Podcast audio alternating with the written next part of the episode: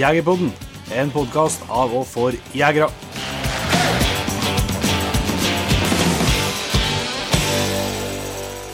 Nå, Jon Petter Meldingen. Å, godlyden. Episode 200. Yes. Og vi sitter i samme kjederstua som episode 100. Så mye har jo skjedd, men ikke alt er forandra. Nei, det er jo, men det er nesten så vi skulle ha sittet i syrommet til, til mora di, vet du. Ja, vi skulle, det får bli, hvis vi klarer å komme oss til episode 300, så får vi prøve å ta den der, da. Ja. Men det er, et, eh, det er selvsagt et lite steg for menneskeheten at uh, vår lille podkast har kommet seg to 200 episoder, men det er noen eh, stor milepæl for oss, så er det må det være. Ja, det er, mm, det er rart å tenke på. Dette har vi jaggu holdt på med i fire år nå. Yes, over det òg.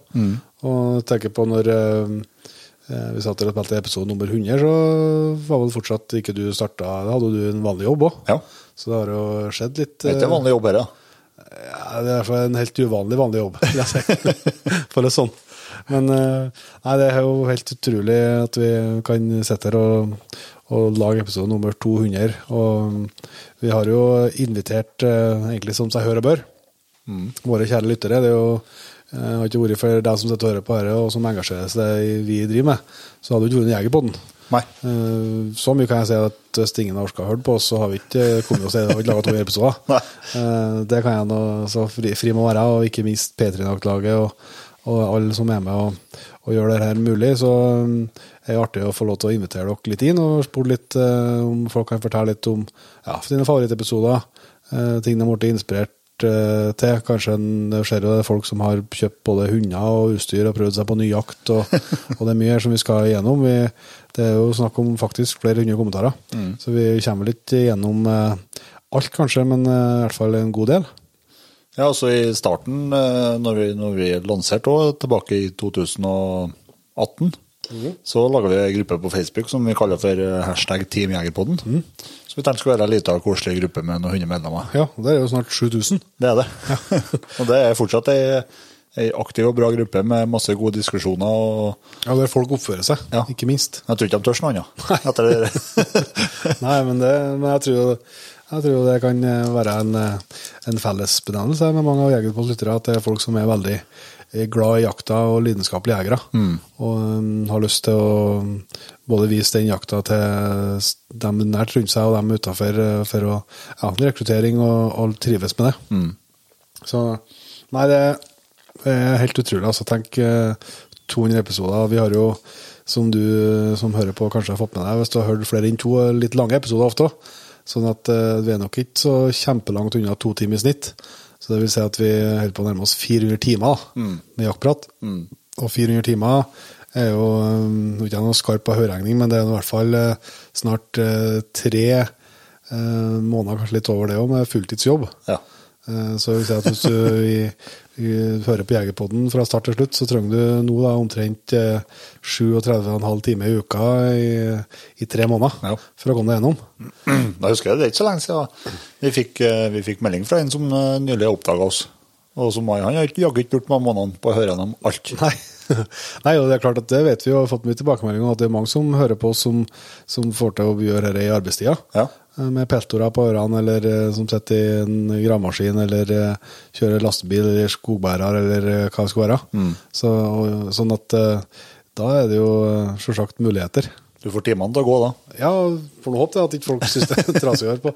Nei, det, det, det er jo det her Det er vanskelig å, å beskrive Jegerpodden etter hvert, syns jeg. Det, vi driver jo med veldig mye forskjellig. Alt fra liveshow og Asphaugen Gamefair, og det er nettbutikk, og det er ikke minst og, men hele tida er jo denne podkasten og denne jaktpraten og, og utrolig mye trivelige og dyktige jegere som har lyst til å prate med oss. Eh, og som lar oss få komme inn i stua og, og drikke kaffe i lag med dem. Som er liksom kjernen. Ja. Uten det så Nei, altså, podkasten det er grunnmuren, det. Uten en grunnmur så står det ikke et hus. Nei, det Du skulle ikke være idiot, vet så, nei, men det, det er litt sånn Jeg skal Jeg kan ikke ikke love deg så tidlig i episoden, men jeg skal prøve å holde meg uten å bli for eh, sentimental og, og rørt. Da, og så skal du selvsagt òg tenke på at uh, episode nummer 200 uh, eh, håper jo ikke markerer slutten. Nei, nei, nei. Snarere tvert imot. Vi håper jo at det er en, eh, et, en ny, ny stein i den grunnmuren som gjør at vi kan holde på med det her eh, lenge, lenge, lenge. Og vi skal jo, men det er jo litt artig å av og til se litt tilbake. og da, så- men Du var inne på Team Jegerpoden. Vi kan jo starte med å se litt på kommentarene som har kommet der. Ja, jeg la merke til spesielt en her da, som, eh, som en blir veldig eh, brydd av å lese, egentlig. Det Og det med, med at Må gjerne må ta med navnet òg. Ja, skal gjøre det. Men det, det, men handler litt om det med at vi, at vi motiverer en del folk. Ja. Eh, Og det er jo en Tommy Aldorsen. Han starta å høre på, på Jegerpodden, og det var det siste sparket han trengte for å ta jegerprøven. Og den har han nå tatt, og han har kjøpt seg våpen som er i hus, mye trening på banen og gleder seg til jakt framover nå. Dette har virkelig vært noe som har gjort min hverdag mye bedre, og det vil jeg takke dere for Jegerpodden. Herregud. Det er jo helt utrolig. Ja, ja, ja. Det er jo, som jeg har sagt flere ganger eh, når du får høre sånt, så er det som om det hadde vært bare en Tommy, så hadde det vært verdt det, de to episodene. ja, ja. Hvis han eh, har fått eh, Hvis han blir like glad i, i jakta og dere som, som vi er, så Nei, så jeg må si tusen takk eh, for Tommy. Jeg kan ta en ifra en, eh, ifra en Stian her òg. han sier at det som har gitt eh, han mest utbytte, er erfaringene med fòring og trening av hund. Det er mange andre høydepunkt òg. Keep up the good work. Så takk for det, Stian, vi skal kjøre på. Um, det tror jeg jo Det må jeg jo si at det er jo eh, litt det samme for min del òg. Mm. det har ridd meg utrolig mye dere å snakke med. Og vi har snakka med så utrolig mange etter hvert, så det er vanskelig liksom å trekke fram. Men altså, vi har jo han hundekjøreren vi snakka med. Uh, Syns det var utrolig lærerikt. Vi har jo snakka med eh, mange, altså Martin. Har snakka med en, eh, Jan Robert. Mm. det er episoder som ligger litt lenger tilbake òg, men som, eh, som alle har eh, hatt med seg ting som, eh, som jeg har, eh, har tatt til meg og lært av. Ja, ja. Så det, det er jo bra at det eh, er flere. Ja, så er det litt eh, Det kan jo For enkelte lyttere så kan det hende at det blir litt vel mye hund for eh, enkelte perioder. Eh, Men det, det handler jo om at, eh, at eh, det er noe, jakthund er en stor del av jakta. Pluss at når vi er interessert i å lære mer om det òg, så at det blir litt mye hund, det må man bare stå så. Ja. Blir det for mye, så får man bare skru av og vente på neste episode. Ja, det plutselig dukker opp en episode uten hundeprat. Ja. Er det noen flere kommentarer vi skal ta med oss her? Ja, Ole Martin Karlsen. Ja. Dere har bidratt til å gjøre oss mer ydmyke jegere. Stolte folk når vi går i skogen. Har ledd og fått mye inspirasjon til både utstyr og bruk av hund. Har gått på mange dyre smeller pga. dere, det må man nå bare beklage, da. Nye jaktdress, nye våpen og masse mer. Takk til Jon Inge og Jo Petter for at jeg har brukt masse tid med peltor på ørene, og pengene har flydd på jaktutstyr. Ja. jo, vær så god. Og kondolerer. Ja, nei, altså stemmer han tenker at jeg har gjort mer ydmyk, så er jo det helt eh, fantastisk. eh, som vi har snakka mye om, eh, vi som eh, jakter, vi har all mulig grunn til å, til å være stolt av det vi driver med. Mm. det, mm, vi bærer både tradisjoner og videre, og vi utnytter ressurser som, som ligger i naturen mm. på en fortreffelig måte. Og som vi driver jakta i Norge, så skal vi være, virkelig være stolt av det. Absolutt. Også at den har gått på noen smeller her, da, det, det er jo bra å ha noe skyld på. Nei, skal jeg si. Jeg Men på- Jegerpodden sa jeg, sjø. ja, så jeg går opp på smellene når det kommer til jaktutstyr stadig vekk. Og jeg finner bestandig noen å skylde på. Det var jo ingen som mente at det var så bra. Så, så slipper jeg liksom å ta ansvaret for, for det sjøl. Sånn er det. Men som jeg bruker å si, når det er betalt, det er glemt. Ja, ja, ja. Og pengene skal sirkulere. Helt riktig. De, penger er ikke skapt for å stå på konto. Jeg sliter ikke med det. Ja. Øystein Høyland han eh, er jo faktisk en av våre patrients som har eh, blitt trukket ut og vært med oss på, eh, på elgjakt. ja, stemmer. Og han skriver skrev at han hjalp, oss, hjalp seg veldig med episodene når han skulle ha sin første hund. Eh, treningsmetoder og stell og fôring eller pakka. Eh, dessverre så valgte han å kjøpe, seg gråhund, da. Det, det, det, det har vi snakka litt om med, Øystein. Da kan ikke sikkert han hørt, ha hørt på episoden. Men jeg tror at han har blitt inspirert. Ja, men det er jo bra. Det er jo når du vet hvor, hvor mye hundene og, og hundejakta betyr for oss, eh, så hvis vi kunne ha eh, har vært med og hatt en, et lite bidrag inn i at eh, Øystein har valgt å få til seg en hund og funnet en rase som han er fornøyd med, så er jo ikke det noe som er det kan, ja. Nei. Det er bra. Det var sikkert tom for hjemtun. har han. Fortsetter, så har det jo kommet kommentarer her. Jeg kan ta en Lars Kristian Solheim litt kjapt her. Jeg har lært meg trøndersk, sier han. Så det er jo, eh, hvis du at, eh, det hvor du holder til hen til vanlig, og hvilket språk du snakker. Det vi vet, er at vi, det er folk fra hele landet som hører på oss. Yes. Det vil si at det er en del som sliter med mumlende trøndersk. Ja, i hvert fall som har etter hvert lært seg å like, da. Nok at de må skal ha på ørene. Så det er nå bra. Uh, Ola Sundfær han eh, sier at eh, episodene med Vidar Aune var knall. Mm. Og det, det er jo noe som går igjen. Ja, det er noen som går an her, og vi kommer helt sikkert inn på det flere runder. Men, eh, men jeg er helt enig med at eh, det er eh, episoden til med Vidar, og, og kanskje særst særs da den historieaktige historien han avslutter med, den er jo den del to som ligger som P3-episode. Eh, Den eneste vi på bilen er fortsatt, vi. ja, det er hører, hører litt på. rett som det. det Og det, det, det er ikke mange episoder vi hører på sjøl. Nei, men akkurat den, eh, akkurat den historien det er jo nesten en hærtime, tror jeg. har du litt jaktsord på slutten? Ja, det har jeg. Altså, halvtime med fantastisk uh, skildring fra Reinsfjellet. Så hvis du ikke har hørt det, så bør du absolutt uh, sjekke ut det. Det er bra. Men eh, Jonas Quisler han er jo litt på det med førstehåndsjeger og rekruttering igjen. Ja. Der syns vi har gjort en god jobb, eh, på høyt nivå, som han sier. Oi, oi. Bra podkast, mange lange arbeidsdager med, med oss på Peltorene. Ja.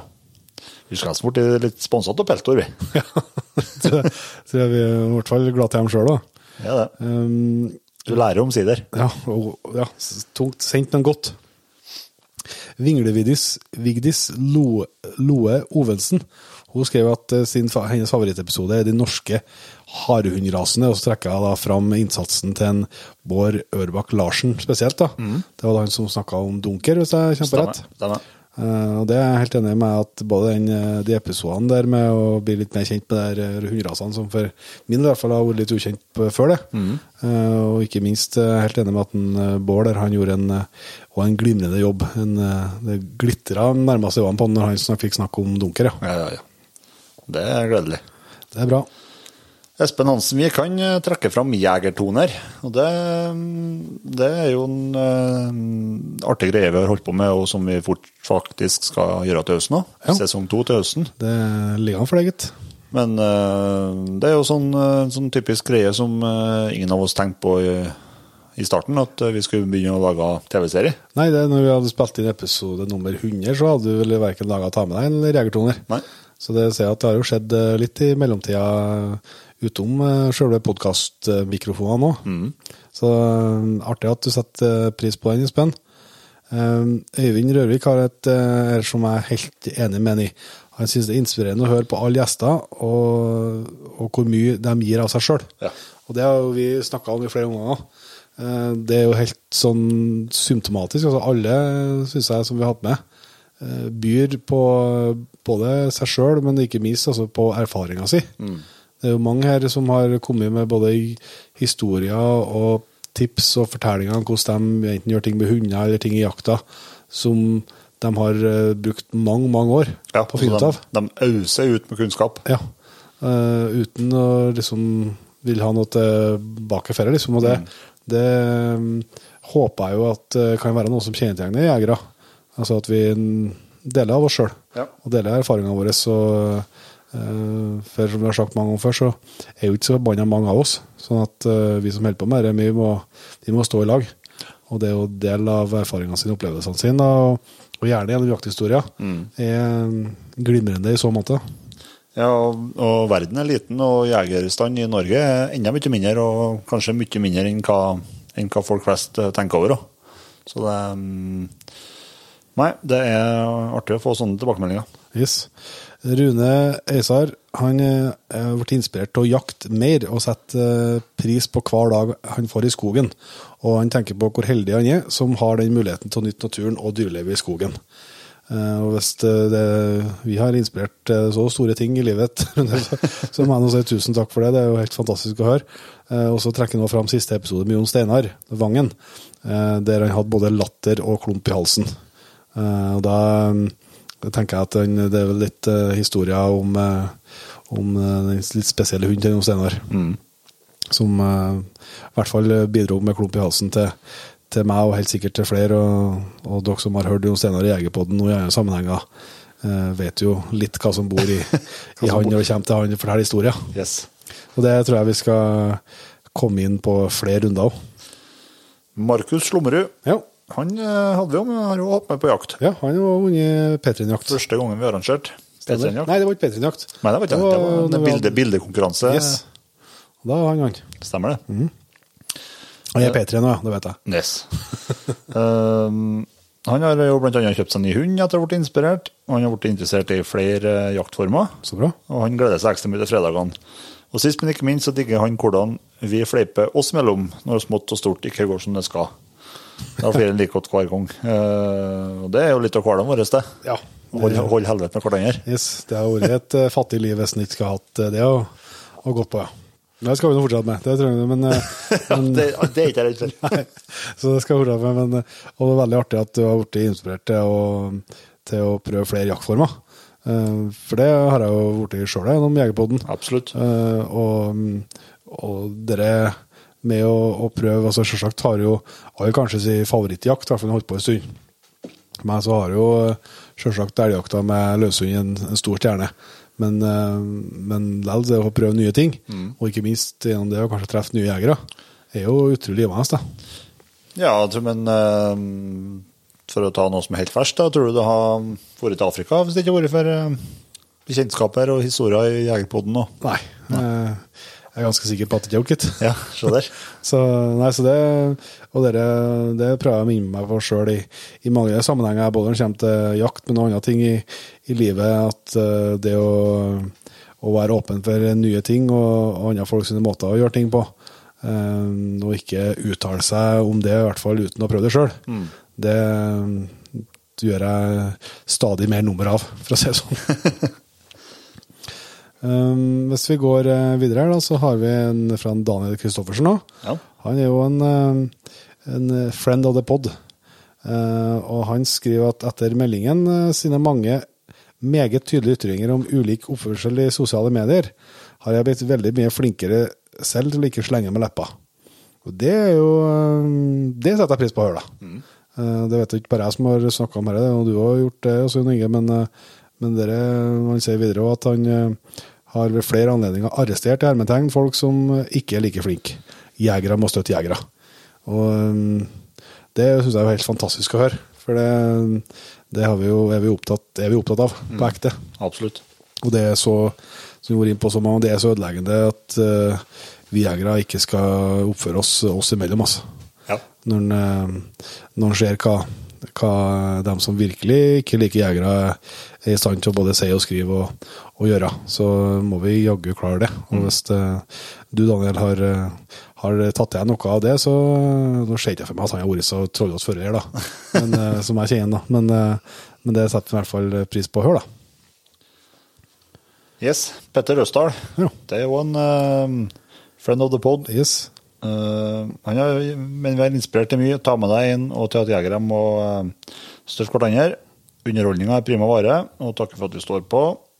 Når det kommer til læring, så mener opp til han, så er det blodspor og bannhundepisodene som har, eh, han har lært mest av. Ja. Og så er han uh, sjølsagt uh, mener at vi alle må slutte med jakthistoriene, for de, de flirer en godt. da. ja. Det er bra. Det jeg tror det Vi skal nå aldri avslutte en prat uten en jakthistorie, eller? Nei, vi må komme på en hver gang der, ja. Nå kan du trekke han med noe. nei, men, eh, nei, men det er jo en eh, fantastisk tilbakemelding å få her. Um, det må jeg bare si tusen takk for. Men jeg slenger inn det også, at ikke, det, vi har ikke lagt opp og laga den her for at vi skal sitte og lese opp skryt av oss sjøl. Det var i utgangspunktet ikke det som var, var planen, men det er jo veldig hyggelig med så mye gode tilbakemeldinger. Men litt av ideen med å spørre om å få, få her tilbakemeldingene fra dere, det handler jo om eh, litt av læring for vår del. Yes. Hva det er vi skal ta med oss eh, videre, og hva folk setter stor pris på.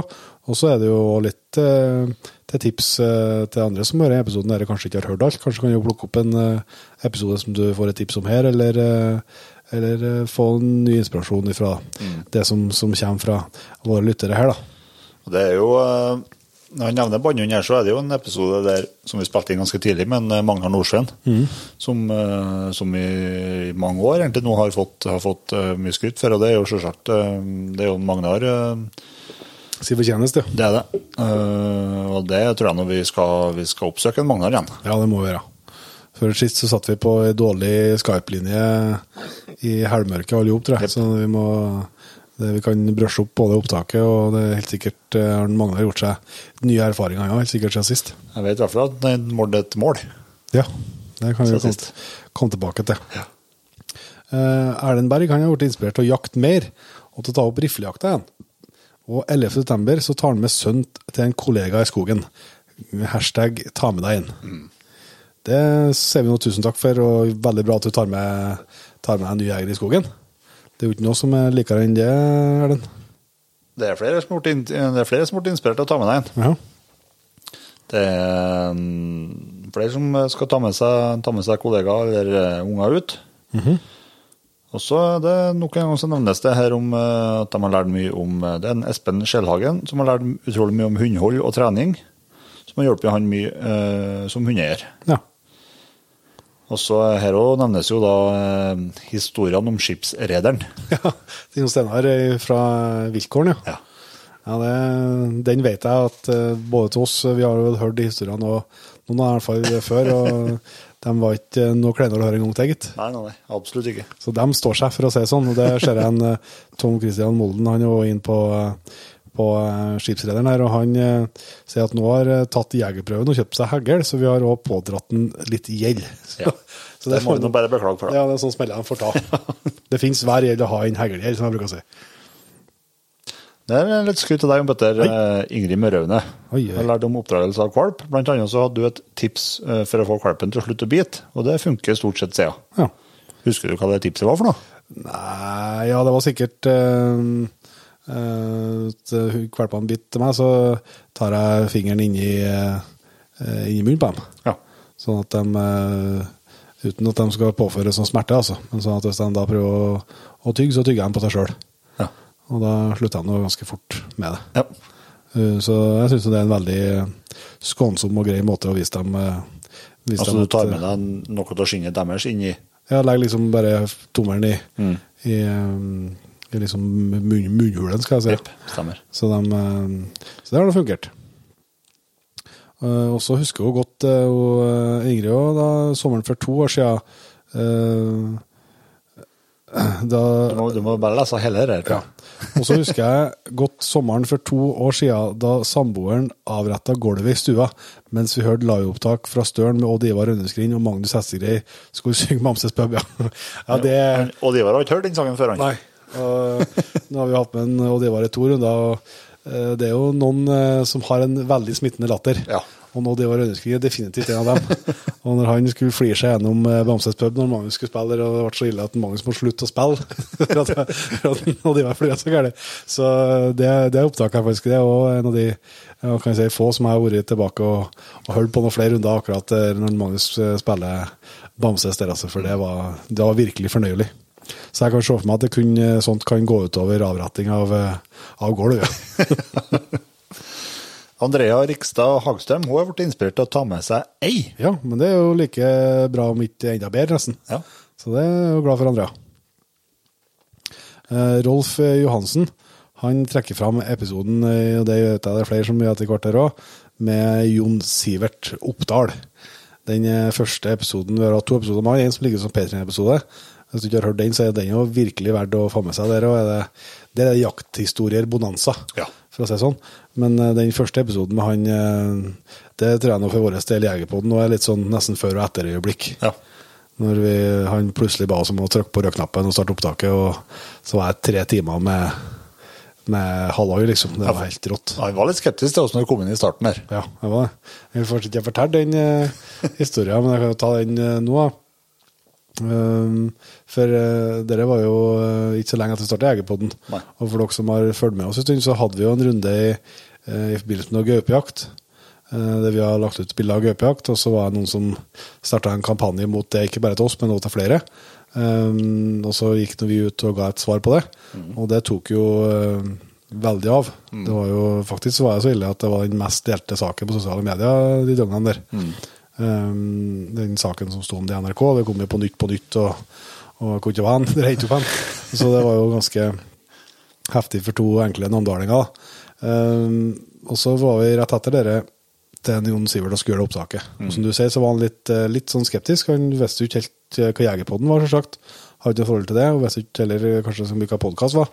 Så han var litt sånn han var litt sånn avmålt, da. Vi var litt spent, men vi var liksom vunnet å sette på mikrofon. Og, og så, så sier han det at uh, gutta eh, Jeg så det var noen som var ute i hardt vær med noe gaupejakt. Så sa jeg at ja, det var oss, det. Sett på mikrofonen. og da var vi helt tydelig tatt inn i varmen. Da var vi inne i varmen, og da var det jeg vet ikke, to, to og en halv time. eh, Non stop. Ja. Det, vi, det, vi kom ikke så mye til ordet der heller.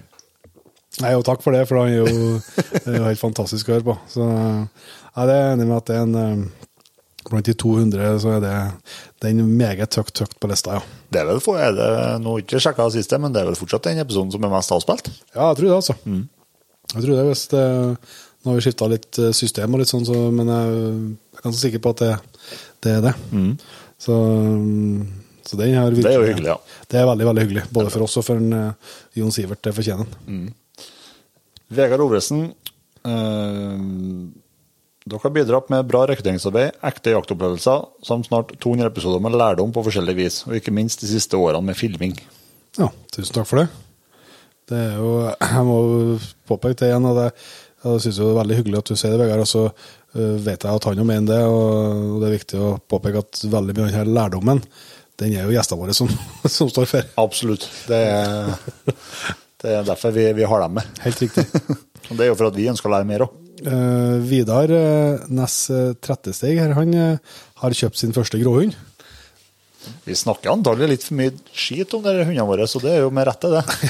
Ettersom ettersom det er så mange som kjøper gråhund. ja, det er ikke aldeles bra det der, kanskje, men, men det er nå er noe folk fornøyd. altså, det er jo sånn vi har snakka om, liksom, om gammeltida. for- Når du ikke vet noe annet, så, så vet du sikkert, går det sikkert bra. Robert Aakvik da, det er jo en, virkelig en friend of the pod. Og han eh, sier at eh, de to episodene spilte han mest, det må være Martin Haugen eh, og Gunnar Bjørøsdal. Fantastiske typer begge to. Og han ser fram til 200 episoder til. Tusen takk for det, Robert. Og Martin Haugen, ja, den Jeg er helt enig med både Martin og Gunnar. Mm. Gunnar er jo en sånn lokal helt for oss. Yes. Men nå som har vært veldig ivrig på i skytemiljøet spesielt, så han er jo kjent for folk rundt omkring òg. Og Martin Haugen, da, det er jo et sånn jakthistoriebonanza. Ja. Med helt eh, fantastisk formidlingsevne. Og eh, det er jo det som vi har snakka om, og vi har jo snakka med en god del etter hvert, eh, kall det godt voksne eh, jegere. Og de er jo ganske fri i uttalelsene. Ja. Og det jo, de drar jo litt til når de forteller historiene og legger ut noe mellom, og det blir jo ofte historiene ganske gode òg. Ja, altså, de tok litt mer sjanser før. Ja, de har de måtte jo ha mat. Så nei, de er definitivt verdt å sjekke hvis du ikke har uh, sjekka ut dem. Uh, vi fortsetter nedover lista, vi. Åsmund Hjelmeland han har faktisk tatt med et sitat her. han. Ja. Eh, når dere snakker med Ove Lillengen, og han sier du skal ikke slippe en godbit ut av slekta.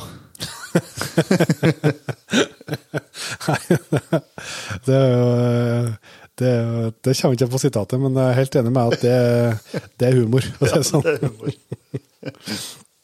Og han sier jo at eh, det er veldig artig med så mye variert innhold. Og han gleder seg til jobb på hver fredag med nye episoder, så han vil at vi skal fortsette med det.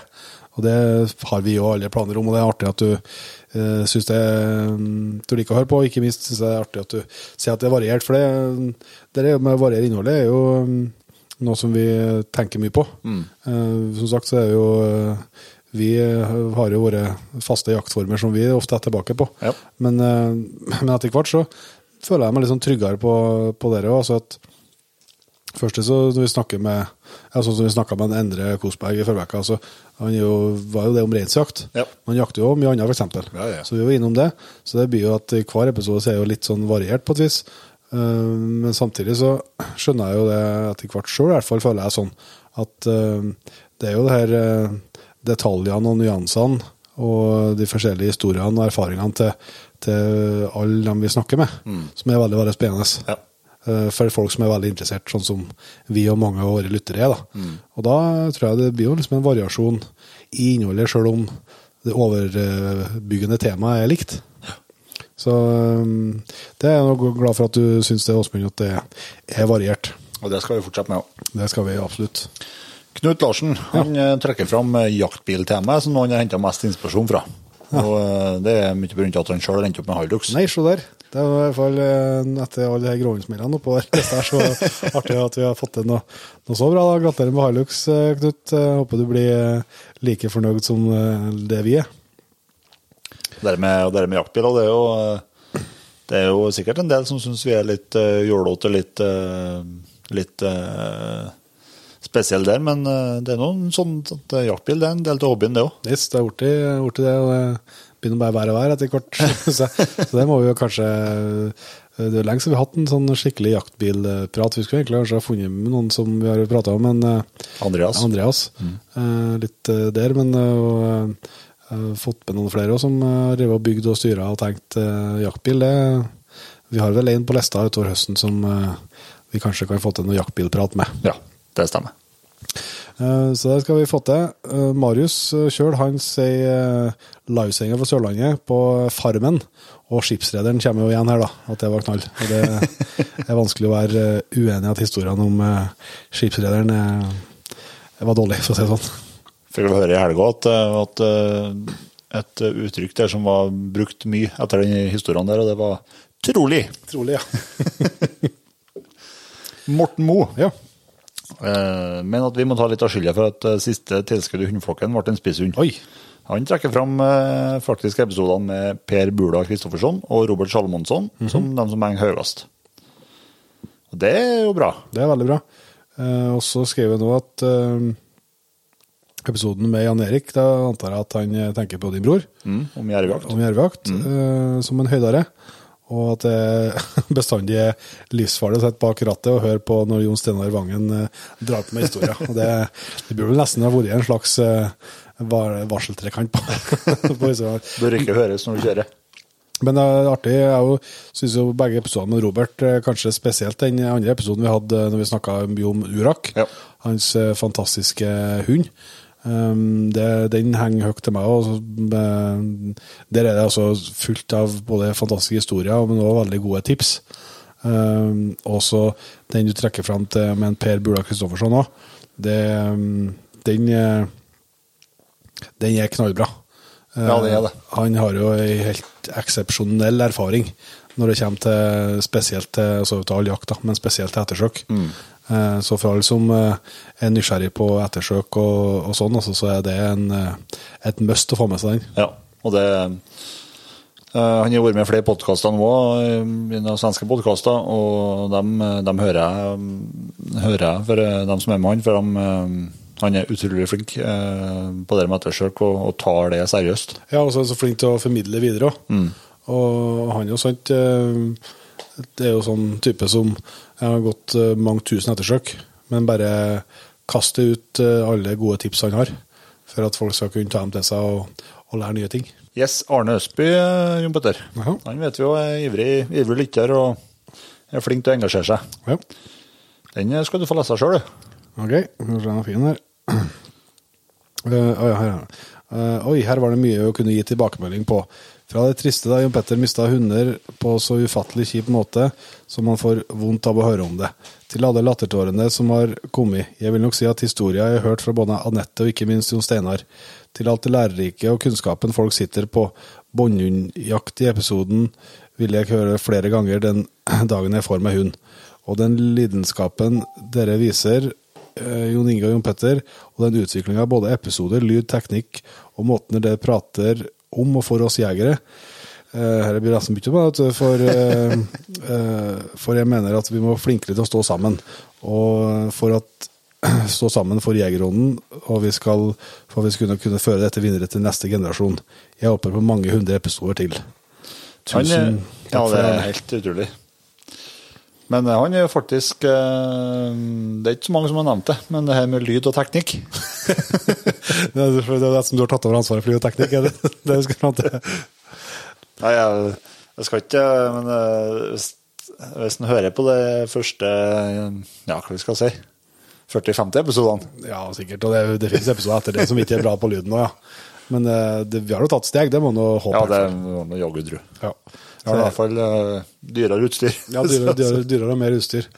Nå må vi være to mann til å bære utstyret når vi drar sted. Før hadde vi én mikrofon i veska. Ja. Så noe har jo skjedd. Men, eh, nei, men tusen takk for det, Arne. Vi, eh, som du sier med, med fjordøsten min som gikk så til helvete som det går an å, å forestille seg på hundesida, eh, eh, så er det jo sånn for oss at eh, Jegerpodden er jo både jobben og, og en stor del av livet. Og da må vi nå by på og dele på eh, de gangene eh, det skjer ting som er veldig bra og veldig artig, og, og de gangene det skjer ting som er trasig.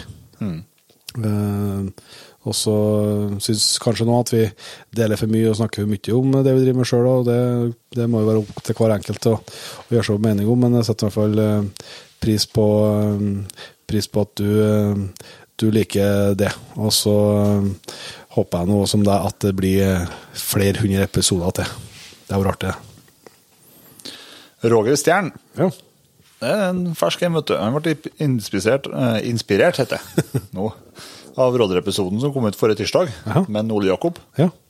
Og han tok med seg lokkefløyta ut og fikk fullklaff. Han har lagt med et bilde her av en eh, nyskutt eh, råderbukk. Eh, trekker fram episoden med en Vidar Aune som best, og uh, i tillegg så måtte han da stoppe bilen mens han kjørte, når han hørte på et liveshow i, der det var snakk om en skipsreder. Ja, den kommer tilbake, den, gitt. Ja, men det er jo fantastisk at eh, det kunne gå så direkte at du satt og hørte på den, og så tok på jeg fløyta ut, og så en så fin bok, gitt. Yes. Det var Gratulerer med det, og tusen takk for, for tilbakemeldinga.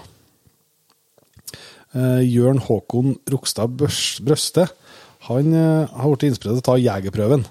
Han har vokst opp med jakt og friluft, men eh, det gled litt vekk når han flytta til byen. Men etter å ha begynt å høre på herre, så ble det jegerprøven, og første hjort og rype er skutt i. Det er jo helt magisk, da. Ja, ja, ja. Eh, En av en hjort, da. Dæven tøft. Nei, tusen takk for det, Jørn Håkon, og hjertelig velkommen inn i Jegerstand, som det heter. Og, og håper at eh, eh, våre gjester og, og vi også kanskje kan fortsette å inspirere deg til å fortsette eh, jaktkarrieren da, når du har hatt en sånn pangstart. da.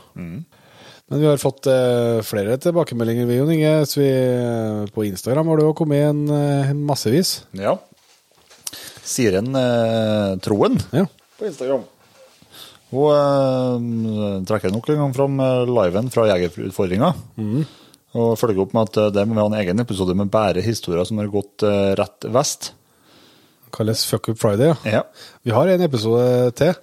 Eh, som, eh, Ifra Flå, ja. Ifra Flå. stemmer. Der, eh, der er nå en del både Rasmus Bostrøm og Eivind eh, Lurås og Martin Brenne. Martin Brenne og Kim eh, Jønsson eh, som òg deler, eh, deler litt historier der det går åt skogen. Absolutt. Så den er nå verdt å sjekke ut hvis du ikke har eh, gjort det, da, Siri. Men uh, tusen takk for, uh, for det. Og så trekker jeg òg fram Omar Trøen som gjest, og Robert Salomonsson og Jan Robert Sveen uh, som lærerikt i forhold til hund, og det er jeg jo helt, helt enig med deg i, da. Den, eh, vi har også nevnt litt om en Robert, og, og, men den episoden men Omar Trøen, eh, den vet jeg, inkludert oss, eh, var mye bra i. Mm. Og han er absolutt en mann som, eh, som vet hva han snakker om, og det gjør absolutt også Jan Robert. da. Eh, Det er jo begge dem må kunne kalles lidenskapelige elghundjegere. Absolutt. Og så trekker jeg også fram eh, Marianne Holmli med tanke på utstilling. Ja. Det er, det er jo en godbit. Det, ja, det er faktisk Det er jo så lenge siden vet du, at den kommer nesten ikke på, vet du. Men Nei, det, eh, det var jo den tida du bodde på Verdalen, det. Ja, ja, ja, og lenge før det òg.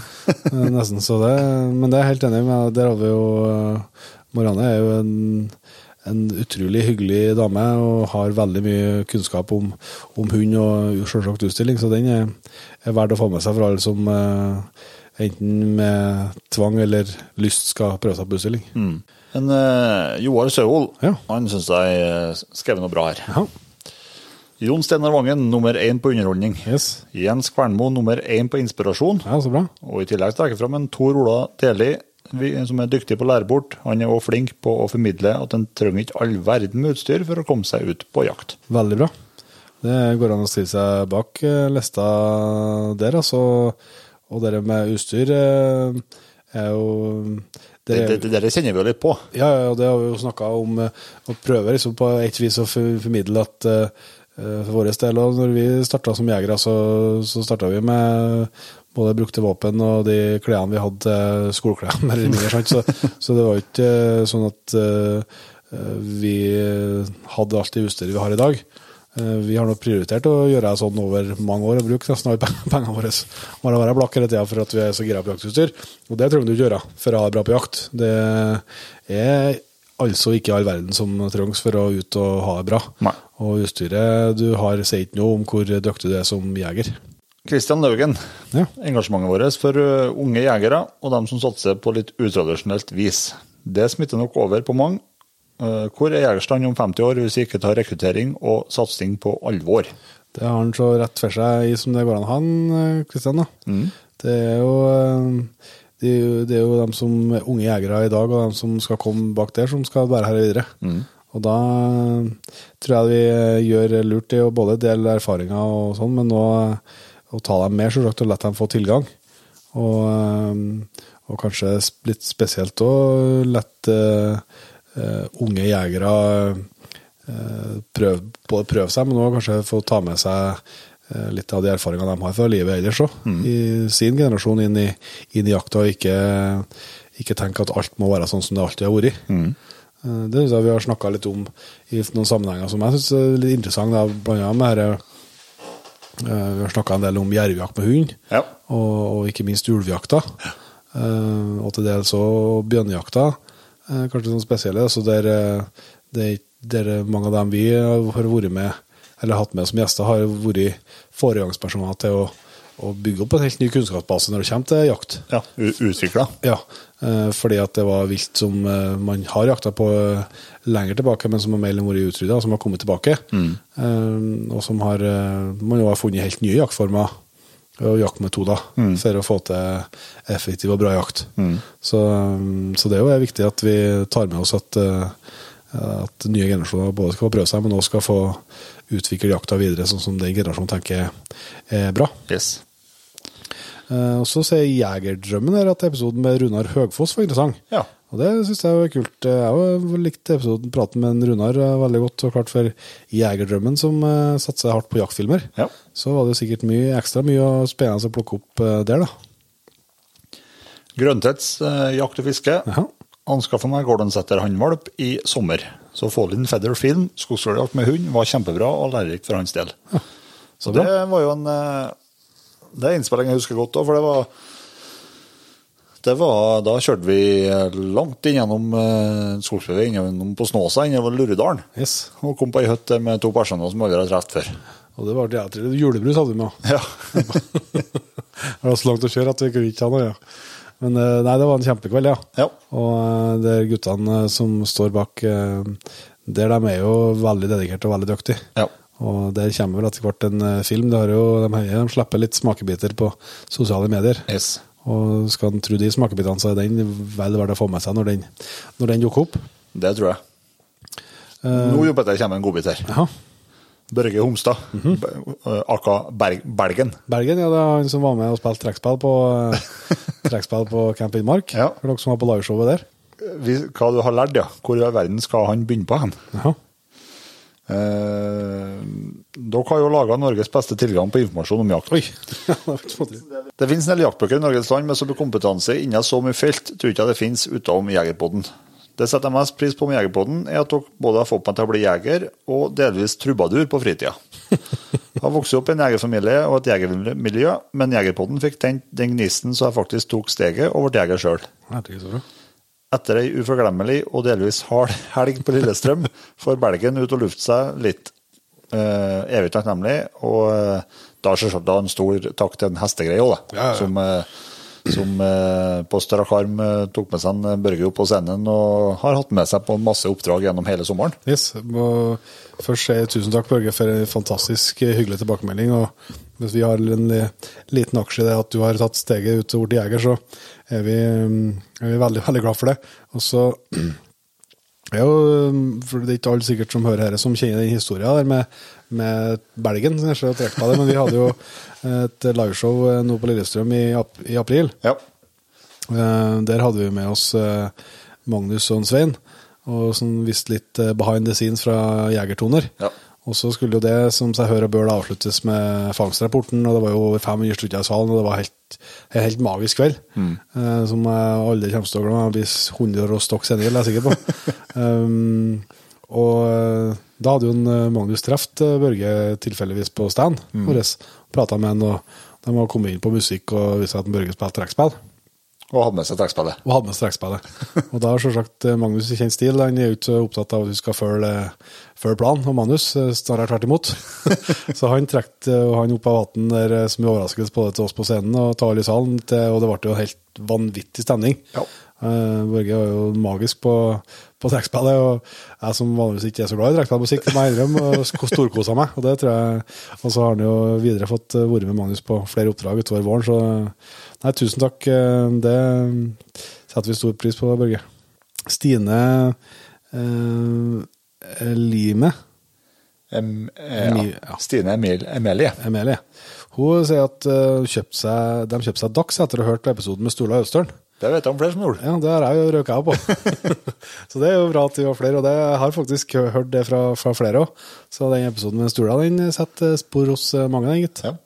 Og det er jo med god grunn. Det var, han er jo en veldig både dyktig jeger og hundekar, og, og veldig veldig dedikert og, og flink til å fortelle om det. Så, så der røk jo jeg på. Jeg skal ha meg en ny dags Støla, altså. Det skal, det skal fortsette. Skal vi se, Siv Vå lærte mye om sortsfugljakt med Vidar Nysæter. ja. Ellers eh, var episoden om jakthundene på DV jaktmarker veldig rørende. Ja.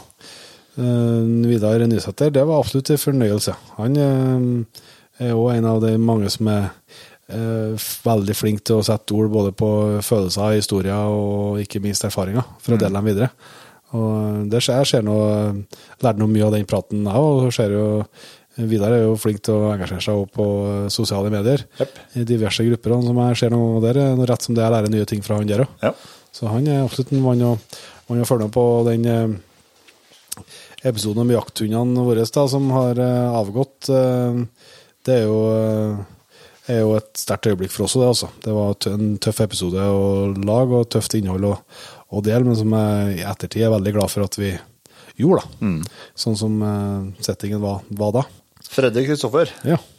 legenden Jon Sivert Oppdal. ja, det er enig. Den første episoden der eh, Jon Sivert tar over hele podkasten og ikke slipper dere til i det hele tatt. Det har han helt rett i. Han har hørt den flere ganger og blir neppe lenge til han hører den neste gang igjen. Veldig bra. Det er noe antagelig derfor at det er mye av grunnen til at han har så mye avspillinger, for at det er mange som hører den flere ganger. Ja, det er jo det, er jo det som eh, Det er jo en av de tingene som gjør at vi kan, eh, kan sitte og, eh, kan sitte og lese opp her, som mye av det som høres ut som, som skrøskryt, men det er jo for at vi er jo vel så stolte av alle de gjestene vi har fått med oss. Og dette er jo et glimrende eksempel på det at vi trenger ikke engang å røre mikrofonen for at det skal bli bra podkast, for å si det sånn. Men vi, vi kjører i hvert fall litt og setter sette fram mikrofonen. Ja, det, på. det skal, skal ha all ære for det. Så det er veldig bra. Eh, Vi fortsetter nedover. eh, Smaldal 1. Eh, Fikk tips om her episoden med Halvor Sveen, og ble hekta og starta med episode 1 og har hørt hver og en etter det, tenkte det. Og eh, det har balla på seg med jegerprøve i fjor sommer, og han gleder seg til fortsettelser.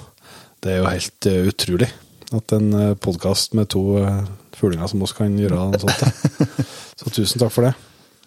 Tosen Rolstad, eh, endelig var det en. Kjøpte seg blazer og hjemtun. Nei, se der. Gått utstilling med dreveren og vurderer hundekasse. Brikkene faller på plass. Det er bra at det er noen som eh, har tatt det, tatt det den veien. da. Det, var noe, det er jo Det er i hvert fall saker vi er fornøyd med, så får vi nå tro at det passer, passer han òg. Her er Magnus eh, Himre.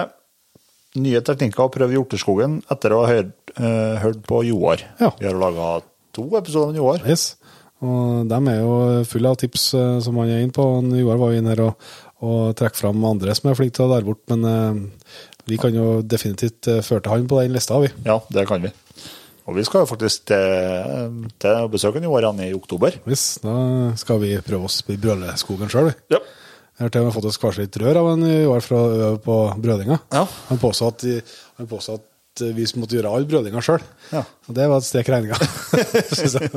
så man må ta den treninga litt seriøst. da.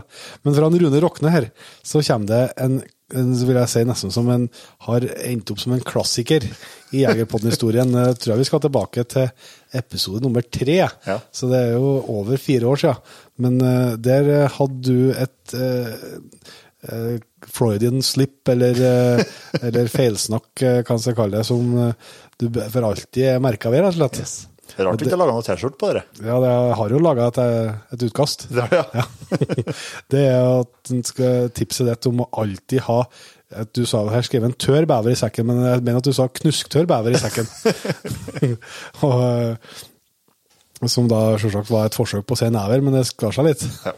Det var episode tre. Da var han litt eh, Det er en annen talefeil fortsatt, men, eh, men eh, da var han litt nervøs òg, vet du. Ja, ja, ja. Nei, men Det er bra at det er noen som trekker fram den, det setter jeg pris på. Og så kommer jeg fra Lene Tomter, 86. Jon Steinar Vangen har en formidlingsevne som mange kan misunne han, og jeg har hørt episodene fra han flere ganger. Eh, Da er det alt fra ivrig nikking til total enighet til snufsing og tårer. Så det er jo en eh, Ja, det er formidlingsevnen hans er det ingen som eh, eh, tviler på for det og det, det er jo det som har gjort at vi har valgt å ha med han i, i flere unger òg, for, for at vi òg syns vi også koser oss sånn med å, med å prate med Jon Steinar. Gjersein, Ja. episoden med de gamle Budalsjegerne, Ja. det er en godbit, det. ja, det er virkelig en godbit. Ja, det, er- det må være noe av det gamleste vi har hatt med. Det, det er det gamleste vi har hatt med, det kan jeg, mye kan jeg si. For eh, opptakene der er vel gjort eh, på 60-tallet. Eh, Og de gjestene som er med i den, eh, kanskje det var en slags tanke om en slags forløper til Jegerpodden, da, som han eh, Vi fikk jo tilsendt de opptakene og fikk lov til å bruke dem, og det er vi jo veldig veldig takknemlige for. Og den, eh, Det er jo en dialekt og et språk der som til dels er litt eh, krevende, da, men vi har jo fått flere tilbakemeldinger at når folk har begynt å høre dem en to-tre ganger, så begynner det å demme, demme litt hva de faktisk sier. Men så er den òg jæklig interessant, fordi at, syns jeg, da, eh, fordi at eh, en god del av bekymringene og eh, praten om eh, eh, framtidens jegere, da, eh, som de gamle jegerne hadde på 60-tallet, er akkurat det samme som du finner hos eh, du finner i dag.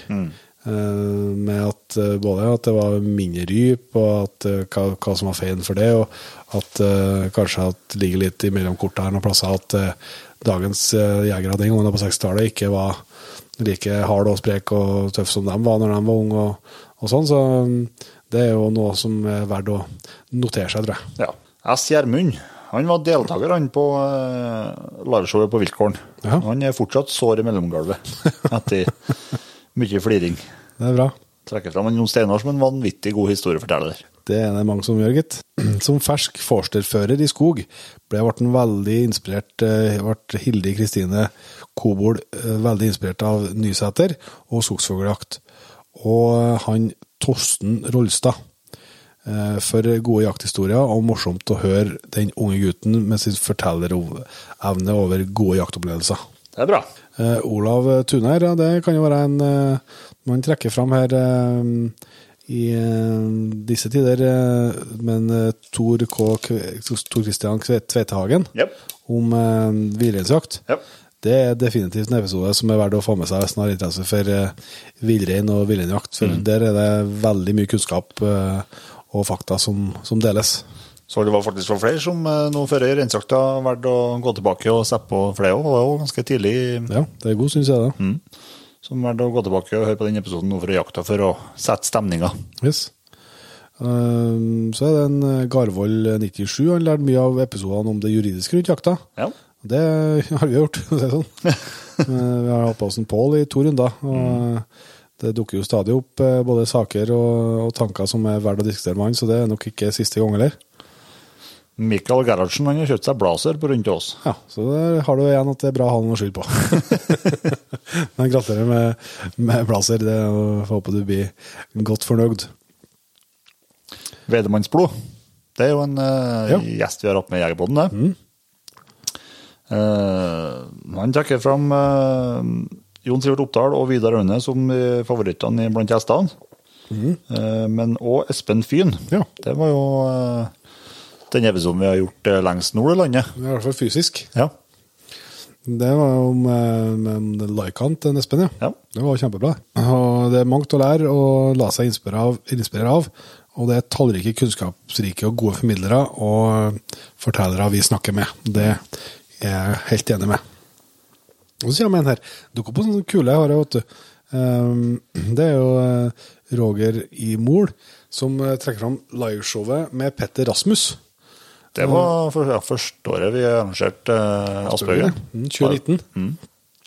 Da hadde vi med han, vet du, og det var jo, eh, det var jo jækla artig. Det var det. Vi jo liker jo en Petter Rasmus meget eh, godt, både når det kommer til jaktprat, men ikke minst eh, fotballprat. da. Ja, Så det var jo et, vi var litt starstruck da. det var vi. Han trekker fram han har, en eh, historie der om en gamling som eh, satt opp elgoksen, og den plutselig steg til værs. Det var noe greier om det. Finn Stefan Dybvik. Topp stemning med episoden med Vidar Aune.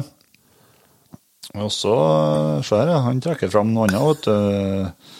Om noe eh, Han flirer godt av noen grasiøse yogascener på Jegertoner.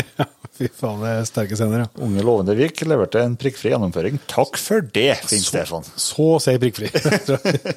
Jeg kan se sånn, når, eh, for dere som kan ta litt av historie der òg, om, eh, om jegertoner, så har jo Magnus eh, skrevet en sang som heter altså, Jegertonen, som ble en av mine absolutt favorittsanger. Og der er det jo mye som treffer meg midt i hjertet i den teksten der. Men når det ble laga musikkvideo til den, så er det en, en plass i den sangen så synger Magnus om håpløse situasjoner. Og det, da er bildet som da vises på skjermen, er når du prøver å stå på hodet. Så helt prikkfri tror ikke jeg, tror ikke jeg innsatsen var da. Men godt forsøk. Takk for det. Du gjorde, for gjorde det. det beste, sikkert. Du var heldig som slapp unna. Helt riktig.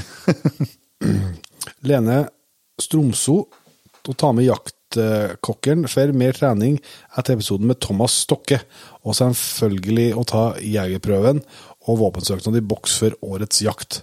Så Det er jo fantastisk hvis du har en hund og har fått enda mer utbytte av etter den og den episoden med Thomas Stokke, og er absolutt uh, verdt å få med seg for dem som er interessert i hunder og, og hundetrening og hunddressur. Der var det mm, mye bra med en, med en mann som er veldig, veldig eh, både dyktig, men også anerkjent, ser jeg. Her kommer vet du, den jeg snakket om i stad. Ja. Ollerud Hansen. Det er snart reinsjakt, og på tur oppover skal jeg høre om igjen episoden med Tor Kristian Tveithagen. Den lidenskapen han la for dagen for rein og reinsjakta, var fantastisk inspirerende. Eh, Og ellers mye bra episoder. Veldig bra. Takk, skriver han. Men det er vi som skal takke. Ja, det er vi som skal takke. Eh, Oksnes Outdoor har prøvd seljakt og jobber med å få flere ut på jakt, om det bare er for turen. Eh, for tusen del, eller om det er første jakttur. Har prøvd konkurranseskjøting og etter å ha hørt på Jegerpodden. Det er jo helt glimrende at du kan ha vært med og bidratt til noe sånt, og tusen takk skal du ha for at du tar med deg flere ut på jakt. Det er jo akkurat det vi trenger. I jegerstand. Ja. Viltinstinkt. Ja. Der skrives det at uh, har aldri ledd så mye under én time som til episoden 'Skogen og fjellets hardhøruser' med Tor Gotaas som gjest. Er, den er bra, ja. Episoden 'Villripa som forsvant' med Lise Eileen Rosvold Berntsen som gjest. En veldig ny, nyttig episode som bør høres. Uh, og sist, men ikke minst, etter mange år med tanker på jegerprøven, så er dere en av de som fikk meg til å ta jegerprøven i fjor. Fantastisk. Første turen ut nå til høsten. Veldig bra. Og øh, jeg er enig med både den Godtås-greien er absolutt en episode verdt å få med seg, og det er det så definitivt. Og den med, med Lise her, altså det, det er kanskje litt sånn øh, Begge dem er litt, litt, kanskje litt annerledes episoder enn vi ofte har, men uh, vel verdt å, å høre. Og Lise legger uh, på bordet mye gode tanker som, vi, som hun sier er veldig nyttig å, både høre og, og kanskje tenke over. Om både det ene og det andre, som vi sier. Eh, skal vi ta med siste her òg, fra Martin eh, eh, Mostad. Eh, etter å ha tipset til Halvor Sveen i episode fem, så eh, har jeg kjøpt min første jakthund, en Nordbotten-spets. Jeg syns da selvfølgelig at episoden om skogsfugljakt med treskjellere med Kent Støkke er midt i blinken. Eh, artig etternavn for en ivrig fuglejeger, det, det har jeg tenkt på. Støkke er, bra. Eh, Men episoden jeg har hørt flere, flest ganger, er om drømmeåret i villmarka. Det er jo eh, Trivelig å høre. Det var trivelig å høre. Det var en episode der jeg var mer eller mindre gjest. da. Ja, ja, ja. Så det, det er jo en P3-episode om eh, når jeg og min kompis Karsten Nona bodde i de svenske skoger et år. Mm.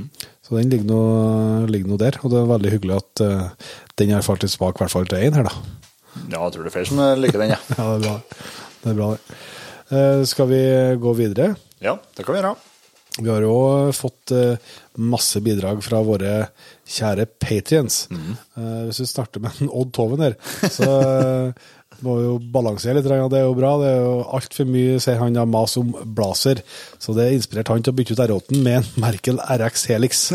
Ellers knall podkast, skrev han. Så det er jo må nå bare kondolere med, med valget, men det er noe, det er noe selvsagt fritt, ja. Men jeg er nå glad for at du liker podkasten, i hvert fall. Så sa Marius Hansen. Ja. Etter å ha lytta på x antall podkaster, så våkna jaktlysta igjen, og han har gått til anskaffelse av en Haldenstøver. Nei, der. Han gleder seg til en unge til å se utviklinga på hund, og ikke minst si egenutvikling. Tor tror læringskurven blir bratt. Men bratt læringskurve, det er bra. Det er bra, og det er Den eh, hjelper ikke Den eh, må være bratt. Det hjelper ikke. Første hund, så er det første hund. Ja. Men det kan helt sikkert og vil helt sikkert gå kjempebra, Marius. Men det er veldig artig at eh, vi kunne ha vært med og inspirert deg både til hund og, og, eh, og for å få tilbake jaktlysten, da. Det, jaktlysten det er jo det som eh, holder oss flytende eh, redaksjonen her, så det, det er bra. Hvis den, hvis den forsvinner en dag, så jeg håper jeg at noen leter fram den igjen. Sindre han, Abrahamsen han sier episoden med Gunnar Bjørresdal, Ja. og at han har kjøpt seg både rettrekker og jevnt. Så det blir spennende. Så da har vi i hvert fall 1-1 da med han som har bytta til Helixen. Så tusen takk for det, og lykke til med både ny børs og hund.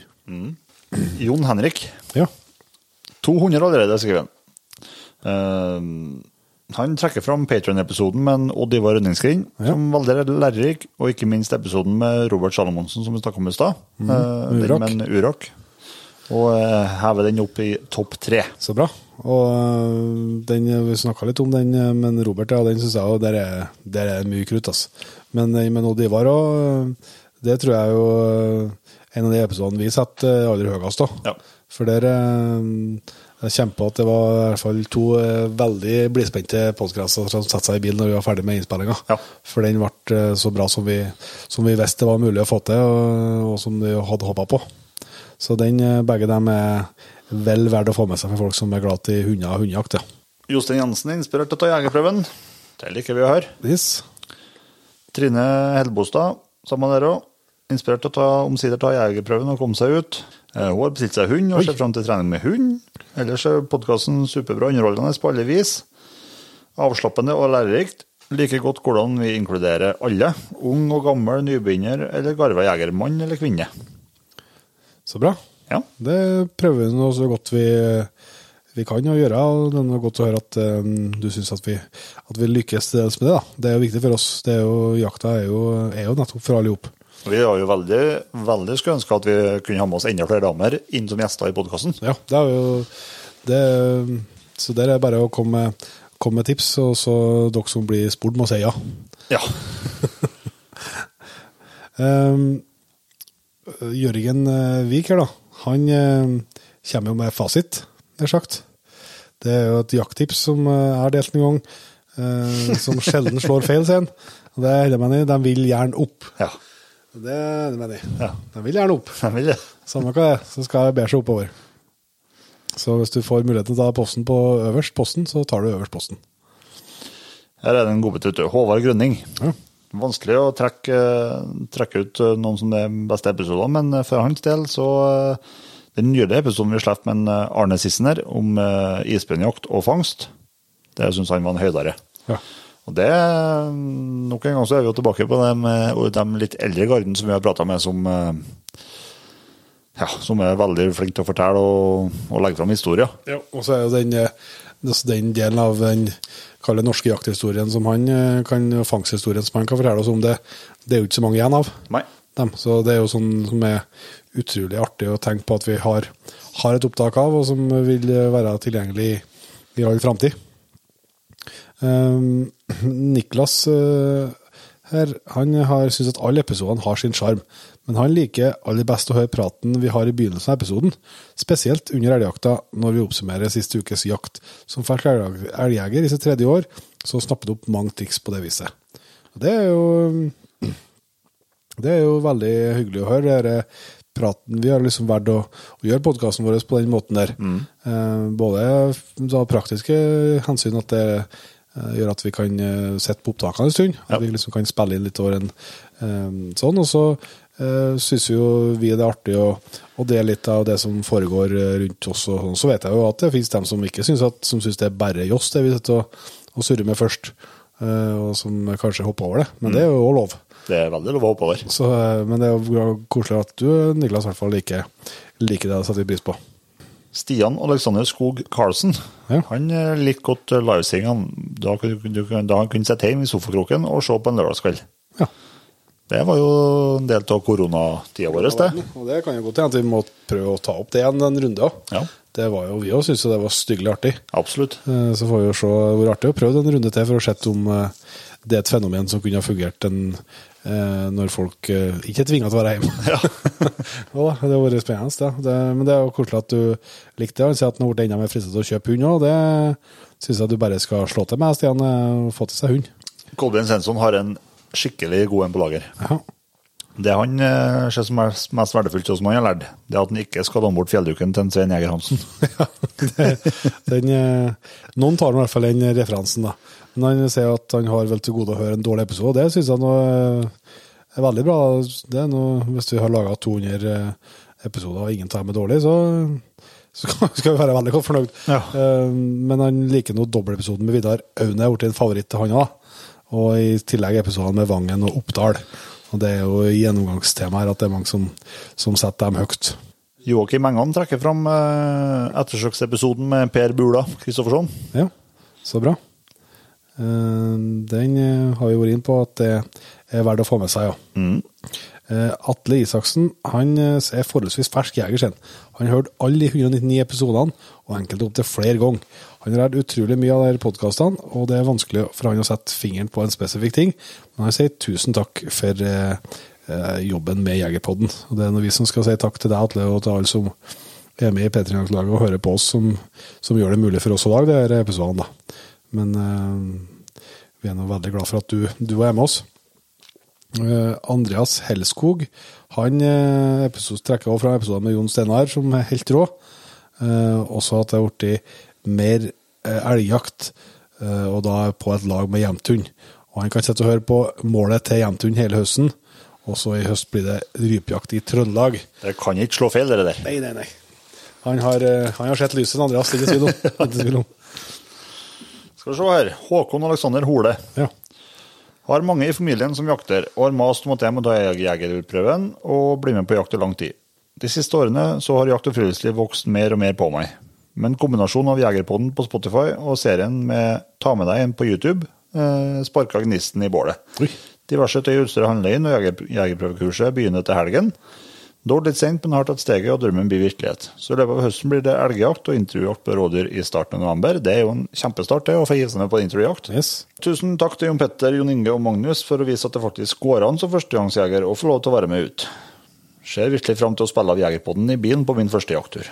Tøft. Det er artig å høre. Mm, Ja, det er rett og slett rørende, eh, Håkon, så det sier vi tusen takk for. Og så håper jeg virkelig at, eh, at det blir så bra som du håper. Og det, det blir det, hvis du bare har lyst. Han, eh, Martinus her, han har blitt inspirert til å melde seg på jegerprøvekurs, og han har bestått eksamen sier han, og fått kjøpt inn sin egen riffel. Så nå er det fullt kjør med bukkejakt, men ingen bukk i bakken enda. Eh, han ler seg i hjel når eh, når vi på slutten av episoden fortsetter praten og lar mikrofonen gå. Og Det er jo en liten sånn hemmelighet som eh, noen har lagt merke til, og noen ikke, helt sikkert òg. Ja. At av og til, hvis vi har noe sånn eh, knot i opptaket, eller eh, en intro som går feil, eller hva det skal være, så hender vi legger den bak eh, jingle som spilles helt på slutten av episoden. Mm. Eh, Men det er, ikke, det er nok et fåtall episoder det ligger der, men eh, av og til så ligger det en liten sånn gulrot til dem som er med helt på, helt på slutten, da. Det er jo godt å se er noen som er med helt på slutten. Ja, det er noe, det her er levende bevis på at det er noen som faktisk hører på det. Så det er bra. Og så trekker han jo fram Jon Sivert Oppdal eh, som en, eh, som en, eh, en mann i en liga for seg sjøl. Og det er vel eh, lett å stemme i da. da. Gråhundjeger, da. Gråhundjeger. mange favoritter, men episodene med historiske tilbakeblikk, som f.eks. Jon Sivert Oppdal, liker han veldig godt. Litt humor fra Vangen, og Hun veldig godt. litt humor. Ja, liker hun veldig godt, ikke han veldig godt. Det er sånn, ja.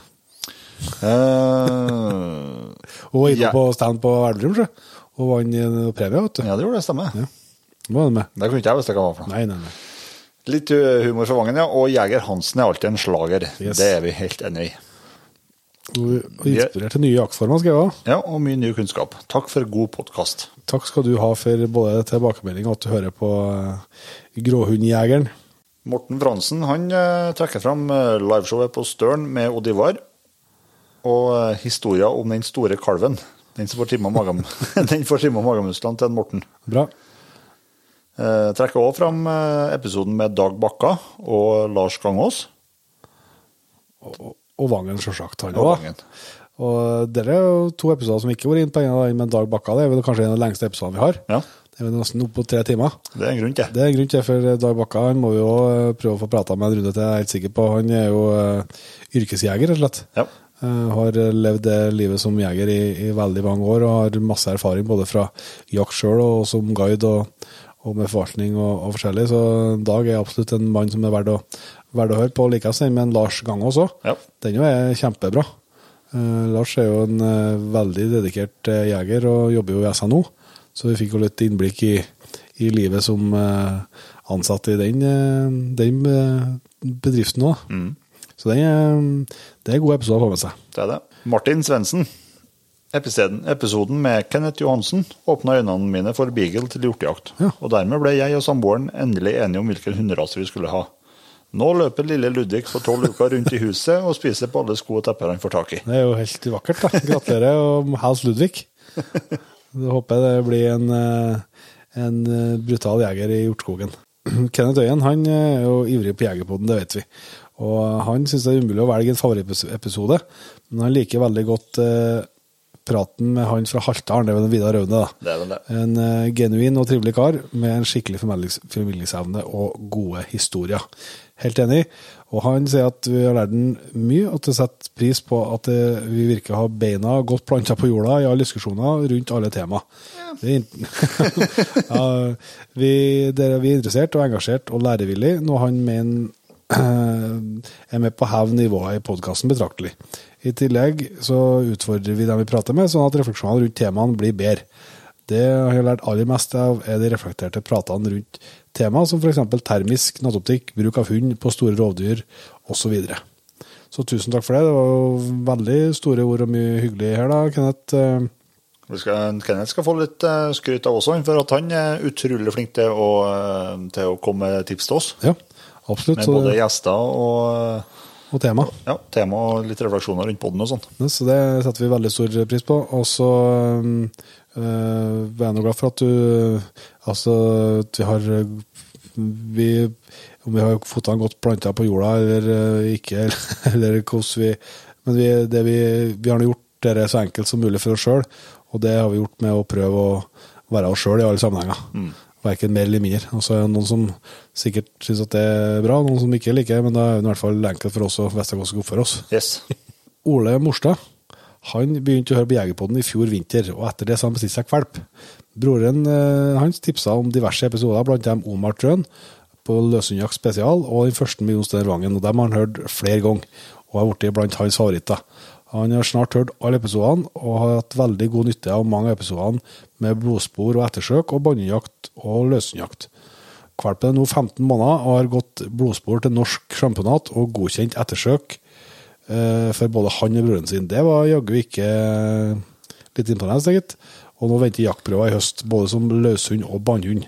Så han takker for inspirasjon og jobber med å få til en god hund, og for håpeligvis uforglemmelige jaktopplevelser. Og det ligger du vel veldig godt an til, Ola, når du har lyktes så godt med en hund som er så ung. Det må vi nå bare ta av oss hatten og gratulere deg med. Mm, veldig bra. Det blir litt hundkjøp. Det er det. Det er bra, det. Ja, ja, ja. Det kommer en her også, Lykkejeger. Uh, favorittepisoden spørs litt på tema hva man er ute etter. Meget interessant å høre fra folk som angående forvaltning og lignende. Uh, trekker fram historiene til Jon, uh, Jon Stena Vangen, uh, Jon Sivert Oppdal, Vidar Aune, Robert Salomonsen og ifra Viltgården nå på i 2022 som ekstremt bra. Yes. Eh, Men hundeepisodene har gjort til at han for første høst skal jakte med egen hund.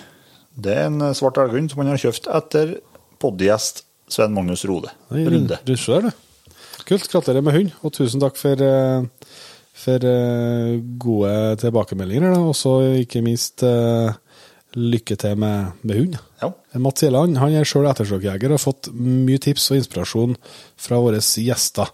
Ikke minst har han fått opp øynene for pickup og hundekasse, så i helga så blir det tur opp til Namsskogan Jeg ser, for å hente eh, Valakåpan-kassene som har stått på bilen min, og han gleder seg til det med å bli klar til jakta. Ja. Så må vi gratulere med både hundekasse og pickup, da, Mats, og eh, fortsett gode jobben som ettersøksjeger. Yes. Jovna han har flira mye av eh, jeger, Svein Jeger Hansen sin uh, Juhu! ja, det er, vel, det er du ikke lei om, for å si det sånn. Uh, Tobias Bråten han kommer med en her som jeg syns er veldig kul, jeg òg. Det er episoden med Gaupkjell. Ja. Det er jo en P3-episode. Um, eh, og mange flere scener som har gitt både kunnskap og intro. Men den med Gaupkjell, helt enig, det er en glimrende podkast. Absolutt. Øyvind Espegren, siste episoden fra Afrika vekket Afrikafeberen i meg, i hvert fall. Eh, Var det det 2015, og en ting er sikkert, jeg skal tilbake, og kanskje til Odd Magne. Så kult. På Unsva. Så bra. Si takk for det. Den farlige får litt smak. Det var en episode som var litt sånn eh, Veldig følelseslada for at den var så opp igjen når den laga den. Men òg litt spent på del, for at eh, eh, selv om vi snakker mye om den i episoden, så er jo det med Afrikajakt og sånn, det kan jo eh, Det er jo enkelte som ikke syns det er bra. Så Derfor er det litt spennende å fortelle om opplevelsene sine. Og, men i hvert fall eh, tilbakemeldingene vi har fått, har nå vært, vært positive, så det er jo bra. Ja. Torbjørn Larsen trekker fram episoden med Niklas Dyrhaug, og spesielt fortellinga om da han sprang inn tjuvjegerne. Ja. Det, Det, det, det er faen meg surt altså når du først er på en liten tjuvjaktrunde, og så får du Niklas Dyrhaug i hælene. Ja. det er faen meg brutalt. Da er det bare å legge seg ned og gi opp, ja. Hopp. Uh, Han trekker også fram eh, Skyttertølløv-episoden. Ja, den er kul. Ja. Den uh, syns jeg var artig å lage, og der har vi jo Vi kan jo tise litt fram i tid at vi har laga en ny episode om en eh, litt samme typen kanskje som en skyttertølløv, ja, som kommer utover høsten her en gang. det stemmer. Um, Erik uh, Adrin han uh, har jo fått inspirasjon til å endelig ta jegerprøven. Og han fikk med seg liveshowet på Camp Villmark, og det var, det var kult. Uh, hørte episoden om bukkejakt i bilen på vei til min første bukkejakt og tenkte der fikk jeg mange tips til hva jeg kan gjøre neste sommer. Ja. det skjønner jeg jo. En, Ole Jakob uh, er jo ikke bukkejeger bare 10. august, han gitt. Så det, men samtidig var det jo veldig mye du kan ta med deg. Så det får håpe du, du og, og flere til å huske på neste, neste sommer. da. Her er òg en bra vet du. Eirik Eikeland tok jegerprøven i fjor og sjekka bare Spotify om det eksisterte noen podkaster om jakt, så jeg kunne studere på jobb også. Da regner man for Jegerboden. Ja, det, vi vet som har kommet inn på Patreon-sida vår, så er det bra sjanse for det, sikkert. Nå er jeg a jour med episodene og gleder meg til hver fredag. Ellers har jeg blitt inspirert til å jakte mer. Har også lagret mye hjernebarken som jeg har hatt brukt eh, for på det lille sparket jeg har fått jaktet. For på det lille jeg har fått jaktet. Det er bra. Tøft. Gratulerer og velkommen inn i Jegerstand til deg, og takk for at eh, du er med oss eh, både som lytter og Patrion. Det setter vi veldig stor pris på, Erik. Eh, Morten Brekken han har blitt inspirert til å kjøpe en hund til, og så jaktbil, og da ble det sjølsagt pickup og hundekasse. Og han har ikke angra ett sekund på den investeringa. Det er jo nydelig. Det er godt å høre. og så uh, håper jeg du fortsetter å, å høre på og uh, like investeringa du har, har gjort. Her kommer jo den som du var inne på fra Kristoffer Austland Østland Onsdag med episoden med Magnar Nordsveen. Ja, Og Han er en av flere vet jeg, som har eh, kjøpt seg svart elghund etter den praten. det stemmer. Det er artig å høre. Eivind Forsmo. Han begynte å høre på Jegerpoden. han var helt blank på jakt og hadde verken jegerprøve eller våpen. Han hørte kanskje fire episoder, og det var noe å bestemme seg for å ta jegerprøven. Eh, har nå i dag min andre rifle og en hagl. Jeg har ut alle mine motoriserte hobbyer med å stå på en lerdebane i ukedagene.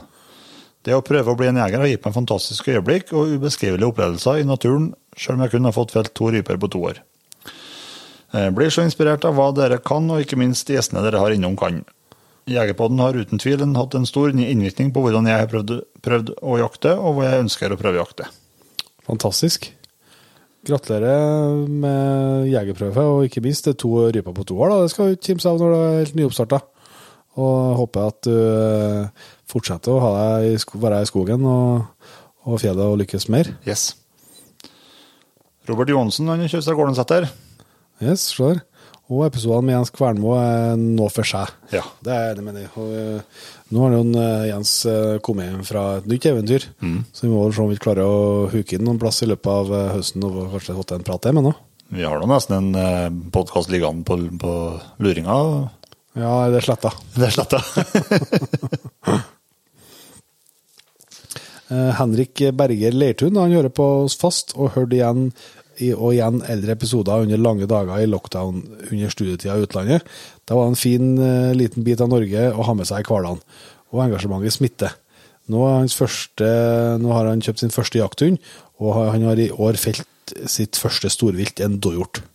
Så gratulerer med både hund og, og fall, eh, Henrik. Det er veldig bra, og tusen takk for at du hører på oss.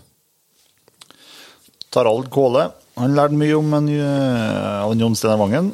Den er sikkert den første episoden vi laga, men det er om løshundjakt på elg. Og det er uten tvil en av hans favorittepisoder. Og så har vi en uh, byjegeren her. Utallige timer med Jegerpodden på øret har rett og slett gjort han til en bedre og mer kunnskapsvis jeger. Og det er jo veldig bra. Det, det har, sånn har nå Jegerpodden funka for oss òg, føler jeg. Um, og så sier en tusen hjertelig takk eh, til oss to, og til alle de fantastiske gjestene som har bidratt med innholdsrike og underholdende episoder. Ellers så holdt han nesten på, sier han, å bytte ut saueren med blazer i våres, men ikke helt i ennå. Men det er 100 episoder til, skal vi se. hva som kan skje da. Helge Strøm han har en eh, spesiell sans for alle episoder som omhandler løsningjakt på elg og rovviltjakt med hund. Men likevel husker jeg ekstra godt episodene med Jens Kvernmo, samkjøring med podkasten Uteliv om pelsjegerliv og Hjalmar Dale, samt episoden med Per Bula Kristoffersson. Godt jobba, kjør på videre. Tusen takk for det, Helge. Og Vi kjører på, vi. Det skal jeg love. En uh, Henrik uh, Brauti her, da, han uh, forteller at det har vært stunder jeg har vært nært døden i latterkrampe av historiene til Jon Steinar. Og det har vært utrolig mye interessant lytting og tema for en blodfersk jeger. Så tusen takk for det, Henrik. Andreas eh, har vi prata med når vi var på Iveland. Eh, og det fikk han til å ta steget til å sette seg på valpelest. Og om tre uker så skal han hente seg en svart elghund. Dæven, tøft. Eh, deres evne til å få fram gode historier og jakttips fra gjester er helt fantastiske. Tusen takk, og gratulerer med hund, og lykke til med den i skogen når, eh, når du får den. Det blir kanskje litt i yngste laget utover høsten her, da, men eh, det kan jo vel eh, være gode sjanser utover våren og neste år, i hvert fall. Eh, Erik Hammershaug. Det kom fort en beagle-hus etter episoden med Rune Hedegaard. Jeg har brukt hans råd til hundetrening med stort hell, og har hørt episoden mange ganger. Episodene om jakthunder på de evige jaktmarker med særs skrøtede stemmer i Jegerpodden-redaksjonen var sterk kost, syns jeg. Så det var jo hyggelig å få den fra Erik. eh, Og den episoden med Rune Henrikert. det tror jeg også er en sånn episode som har eh, vært viktig for mange. Ja. Både som har eh, inspirert til, hundkjøp hundekjøp, og ikke minst han har en veldig god formidlingsevne når det kommer til å dele den kunnskapen han satt på. Det er jo en god stund siden episoden ble laga.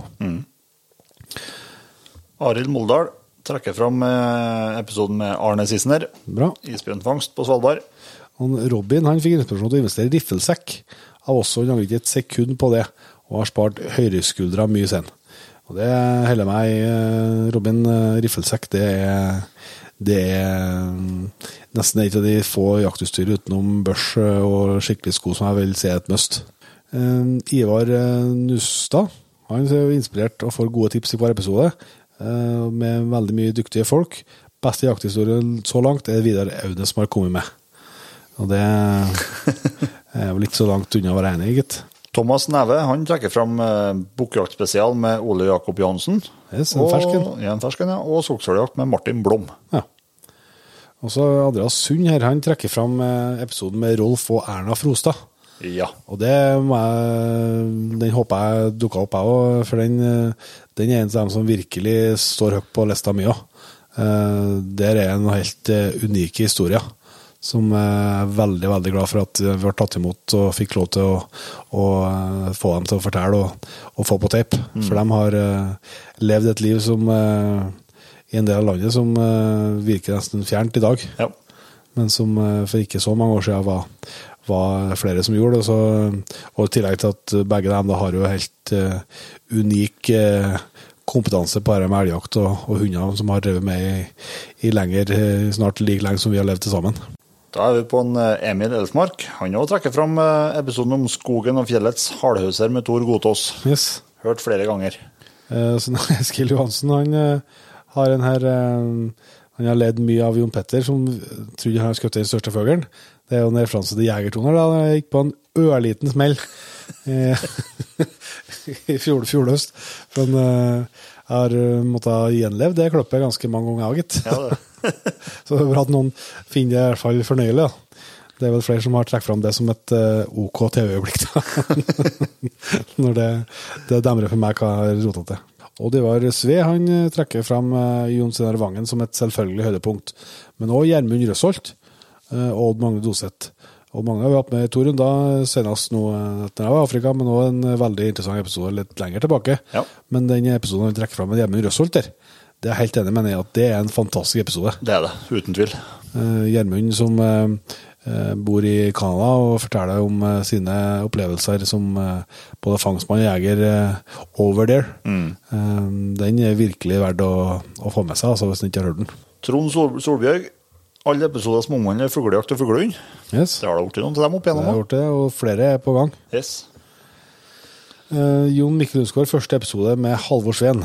Fantastisk start på et vellykka prosjekt som har gitt mange gamle og nye jegere en boost. Gratulerer med 200. Tusen takk for det, Jon Mikkel. Uh, Arnstein Homstad trekker fram serien med Ta med deg en som genial. Uh, den har inspirert både han og andre til å ta med seg nye jegere ut på jakt. Håper man blir mer, inn, mer bevisst på hvor viktig det er med rekruttering av nye jegere.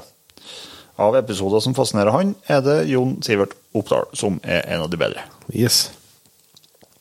Johanne Ryen da, hun sier at det er mange episoder som man kan referere til, men vil legge vekk på alle episodene som har med hundtrening og bruk av hund i forskjellige jaktformer, og som har vært med og økt jaktlysten, og har gått til innkjøp av en ny kompis og en makker for livet.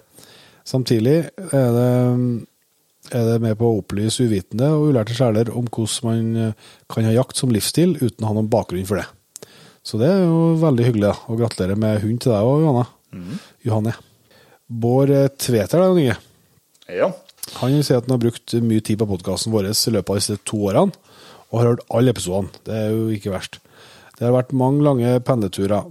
Han har lært utrolig mye, og syns at alle episodene om rådyrjakt og bukkejakt har vært interessante, så i år skal han for første gang prøve seg på rådyrjakt. Episodene eh, som eh, dere vi forstår, kan gå på repeat.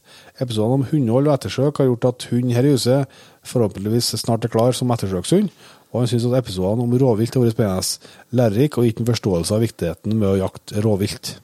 Så det er bra. Det er bra. Artig å høre. Torleif Meum eh, han har kjøpt seg en drever av Jan Robert Sveen i sommer. Hei. Og påpeker da at eh, det begynner å bli dyrt å høre på oss, for det blir så mye, blir så mye innkjøp. Ja, det er som sagt igjen, jeg gjentar meg sjøl, det er bra å ha noe skyld på. Og vi tar gjerne den, eh, tar gjerne, gjerne den rollen. Kristoffer Strøm. Eh, takket være dere så traff jeg et par trivelige karer på Aspaken Gamefair tilbake i 2021. Det resulterte i at jeg fikk muligheten til å være med på et jaktdag der svart, eh, svart elghund ble brukt som bannhund på hjort. Nå har jeg sjøl bestilt meg svarthund, og ser at bannhund er absolutt rette for meg. Har hørt episoden med han Helge Jacobsen noen gang nå, og lærer mer for hver gang. Eh, har for øvrig hørt alle episodene og tatt med en del kunnskap fra dem òg, så takk for at dere inspirerer. Så bra, Kristoffer. Gratulerer med hund, og, og at du har fått komme deg i et jaktlag òg. Det skal ikke vi ta æren for, da, men eh, det er noe veldig hyggelig å høre. Det er det. Morten Kleven her yes. i Edensjø. Han, eh, han nevner bl.a. Jon Steinar Vangen, men så nevner han òg Ronny Pettersen. Yes. Det er en eh, Der kan vi jo virkelig snakke formidlingsevne, ja. Ja. Og den jakthistoria han eh, der er, Det er fantastisk bra, syns jeg. Han kommer med masse bra både konkrete jakttips og for dem som vil lykkes på skogsfugljakt, men den episoden når han eh, eh, runda av den med historien om den gammelturen han skjøt Ja. eh, det, det er så levende fortalt det at du ser for deg hvert sekund av den turen i skogen. Og Ronny er virkelig en jeger det er artig å høre på. Så den er, den er vel, vil, vel verdt å sjekke ut. som det heter. Mats Sundsgaard han gir eh, skylda på en, eh, Kim Jønsson for at eh, han har begynt med fellefangst og kjøpt seg støver til revejakt. Hvor, hvor mange ganger har jeg hørt de episodene med en Kim, har han ikke tall på, men han har lært noe hver gang han har hørt dem. Sikkert tunglært, skrev det i parentes. Ellers trekker jeg fram episodene innom Steinar. eh, At han ikke kan høre dem når han ligger på senga, for da får han ikke sove. Det, det skjønner jeg. Kristian Egge han er jo en eh, friend of the pod, vet du, og han eh, sier at det er umulig å velge ut én episode. Men episoden kanskje har festa seg litt ekstra, er det Jon Steinar og Arnt eh, Magnus Gamst. Pga. deres måte å snakke om hund og hundehold, både på godt og vondt. Og Det har vært rørende og inspirerende. Og den Arnt Magnus Gamst der, det er jo òg en episode som er veldig bra for dem som er, er nysgjerrig på både hundetrening og, og kosthold. Er jo en eh, både ivrig jeger og ikke minst hundekjører, da. Så har mye, veldig mye hundeerfaring. Lars Flågan. Favorittepisode det må være Martin Blom, Tor Ola Deli, Vidar Lange og Knut Erik Rognes. Ja. Og han kommer med tips her at vi må lage en episode om rådyrjakt med Martin Blom. Det kan vi jo det kan jo fort gjøre. Yes, det var ikke dumt. Eh, Martin imponert. eh, Vi visste jo at han var en bra jeger, da. Ja. Men eh, imponerte oss virkelig. Han, altså, eh, og vi har snakka litt med Martin etterpå. Veldig, veldig trivelig kar. Og det, der er det òg sånn helt konkrete tips i episoden med han som jeg er helt sikker på hvis du hører på dem og tar med dem ut i skogen, så kommer du til å lykkes bedre. Ja. Det er jeg helt sikker på. Og så syns jeg òg artig at den episoden med Knut Erik Rognes ble dratt fram. Ja. Det er jo en, eh, en god gammel en, skal jeg si, som det er god stund som vi laga, Ja. om langholdsskjøting og langholdsjakt. Der er mye gode tips der. Der er veldig mye gode tips, og, og, det er jo et tema som er, er mange mener mye om òg. Og jeg tror at det går an å få litt mer forståelse for det, det temaet der, da. Og det kan du jo sjekke, sjekke ut episoden med Thomas Haugland, som òg er i, litt i samme gata. Stemmer. Og eh, litt samme der men Vidar Langø, der var det jo hjortejakt med, med drever som var temaet. Yes, det er jo en, en verdt å få med seg. Skal vi avslutte jo Petter, med en hilsning fra Sverige? Ja, se der. Kan du dra på med litt svorsk, du? Linus Matheson. Ja, det er ikke for å være bare like å lese svensk, Linus. Jeg har blitt inspirert av alle, alle rovdyrjegere som har vært med. At de ikke gir opp å få til en fungerende rovdjurshund, trots at det er uhyggelig svårt. Med hälsningar fra Sverige. Tusen takk for det, Linus. Eh, Det er mange som kan kjenne seg igjen i det å få til en eh, rovdyrhund. Ikke den enkleste sak i verden. Men eh, det er i hvert fall mange av dem vi har, vi har fått det til, og da er jo tips å ta med seg, det er helt sikkert. Så det skal vi jo fortsette, fortsette med. Da har vi nå vært gjennom en, del i hvert fall av tilbakemeldingene og kommentarene som har kommet. Mm. vi ikke, ikke alle, dessverre. Det fikk vi ikke tida til den gangen eh, her heller, men i hvert fall fått trukket fram en, en hel del.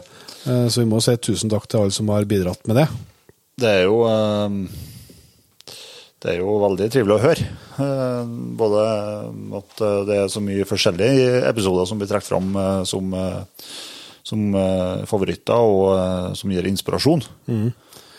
Men altså, men det det må jeg si også, det å få lese om alle dem som, som eh, tar steget og tar jegerprøven, og, og blir jegere. Ja, det. Ja, du starta jo praten her med å si at det holdt med én, men eh, Det er jo flere. det er ganske mange, faktisk. Ja, Nei, det, er helt, eh, det er helt magisk. Og også må jeg bare gjenta at det var ikke målet at denne episoden her skulle bli en her tid med, med sjølskryt. Jeg håper ikke at du som har hørt vært med helt hit, har følt det sånn. Det, det handler om å, om å fortelle den historien som vi er med å lage, men som du som sitter og hører på, er med å lage. For at eh, vi lager dette i lag, alle sammen. Og dere som, eh, som tipser oss, og som er med oss som patriens, og som hører på oss og, og kommer med tilbakemeldinger. Eh, og så er det ikke minst for å få trekke fram og hedre alle dem som tar seg tid til en prat med oss, Ja. og som eh, gjør det her eh, mulig å lage det innholdet. For at så mye kan jeg si at eh, 200 episoder bare med oss to, det, Det er drygent, ja. Da tror jeg det har vært lite folk på ene episoden her, ja. sånn, så, sånn at eh, det er jo alle dem som åpner både heimen sin og, og huet sitt eh, for oss, som, eh, som gjør det her mulig, og som skaper denne eh, inspirasjonen eh, og, og både til å prøve nye ting, og, og kanskje til å, til å bli jeger for mange òg. Fortsett å være flink til å sende inn tips tips til oss. Nå skal vi lage 200 til, vi. Ja, det er, vi, det er iallfall ikke vits å gi seg nå. Nei, nå er det noe så galt da. Nei, men jeg tror vi kan eh, begynne å, å runde av her, og så uh, si tusen takk til alle dere som har uh, bidratt. Vi skal trekke ut et par stykker som får seg en melding om en, uh, om en premie. Vi, må, vi har ikke laga trekkesystemet, så vi fikk ikke det akkurat nå. Men det skal vi nå selvsagt ordne opp. Og så øh, håper vi at øh, du har lyst til å bli med på de neste Vi må vel ta en ny sånn øh, stopp opp da, hvis vi greier å komme oss til episode nummer 300. da. Skal vi prøve å tippe hvor langt det kan være fram i tid? I så fall ja, det er nå en eller annen gang i 2024, da. Ja. Nå må vi håpe at da mor ikke har revet styrrommet sitt, så får vi sette oss der. Ja, får vi gå tilbake til de virkelig historiske marker, ja. Jeg tror vi bruker dagens utstyr, og ikke det vi Ja, det kunne jo vært artig å lage en sånn gjenlytt. eh, Det vi har fått mye skryt av episoden fra Afrika. Ja. Lyden, og Bakgrunnslydene der. Og det var jo den sam, den samfulle mikrofonen som ble brukt i episode 1, som ble tatt med til Afrika. Ja. Så hvem vet?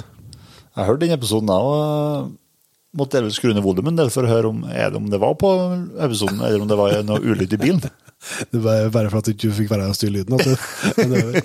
Nei, tusen takk for at du har vært med oss eh, helt hit. eh, Vi er tilbake neste uke med en eh, flunkende ny episode, og da er det mer i tradisjonell Jegerpodden-form igjen. Yes. Vi ses som bruker, Jon Inge, til neste gang. Vi høres.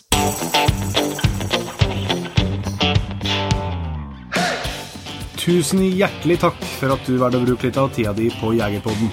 Sjekk ut jegerpodden.no eller eh, din favorittpodkastspiller for enda mer innhold og flere episoder. Følg også Jegerpodden på Facebook og Instagram, og ikke minst, husk å fortelle alle gode venner, familie og tilfeldige forbipasserende om Jegerpodden, sånn at vi får spredd det glade budskap videre. Vi høres.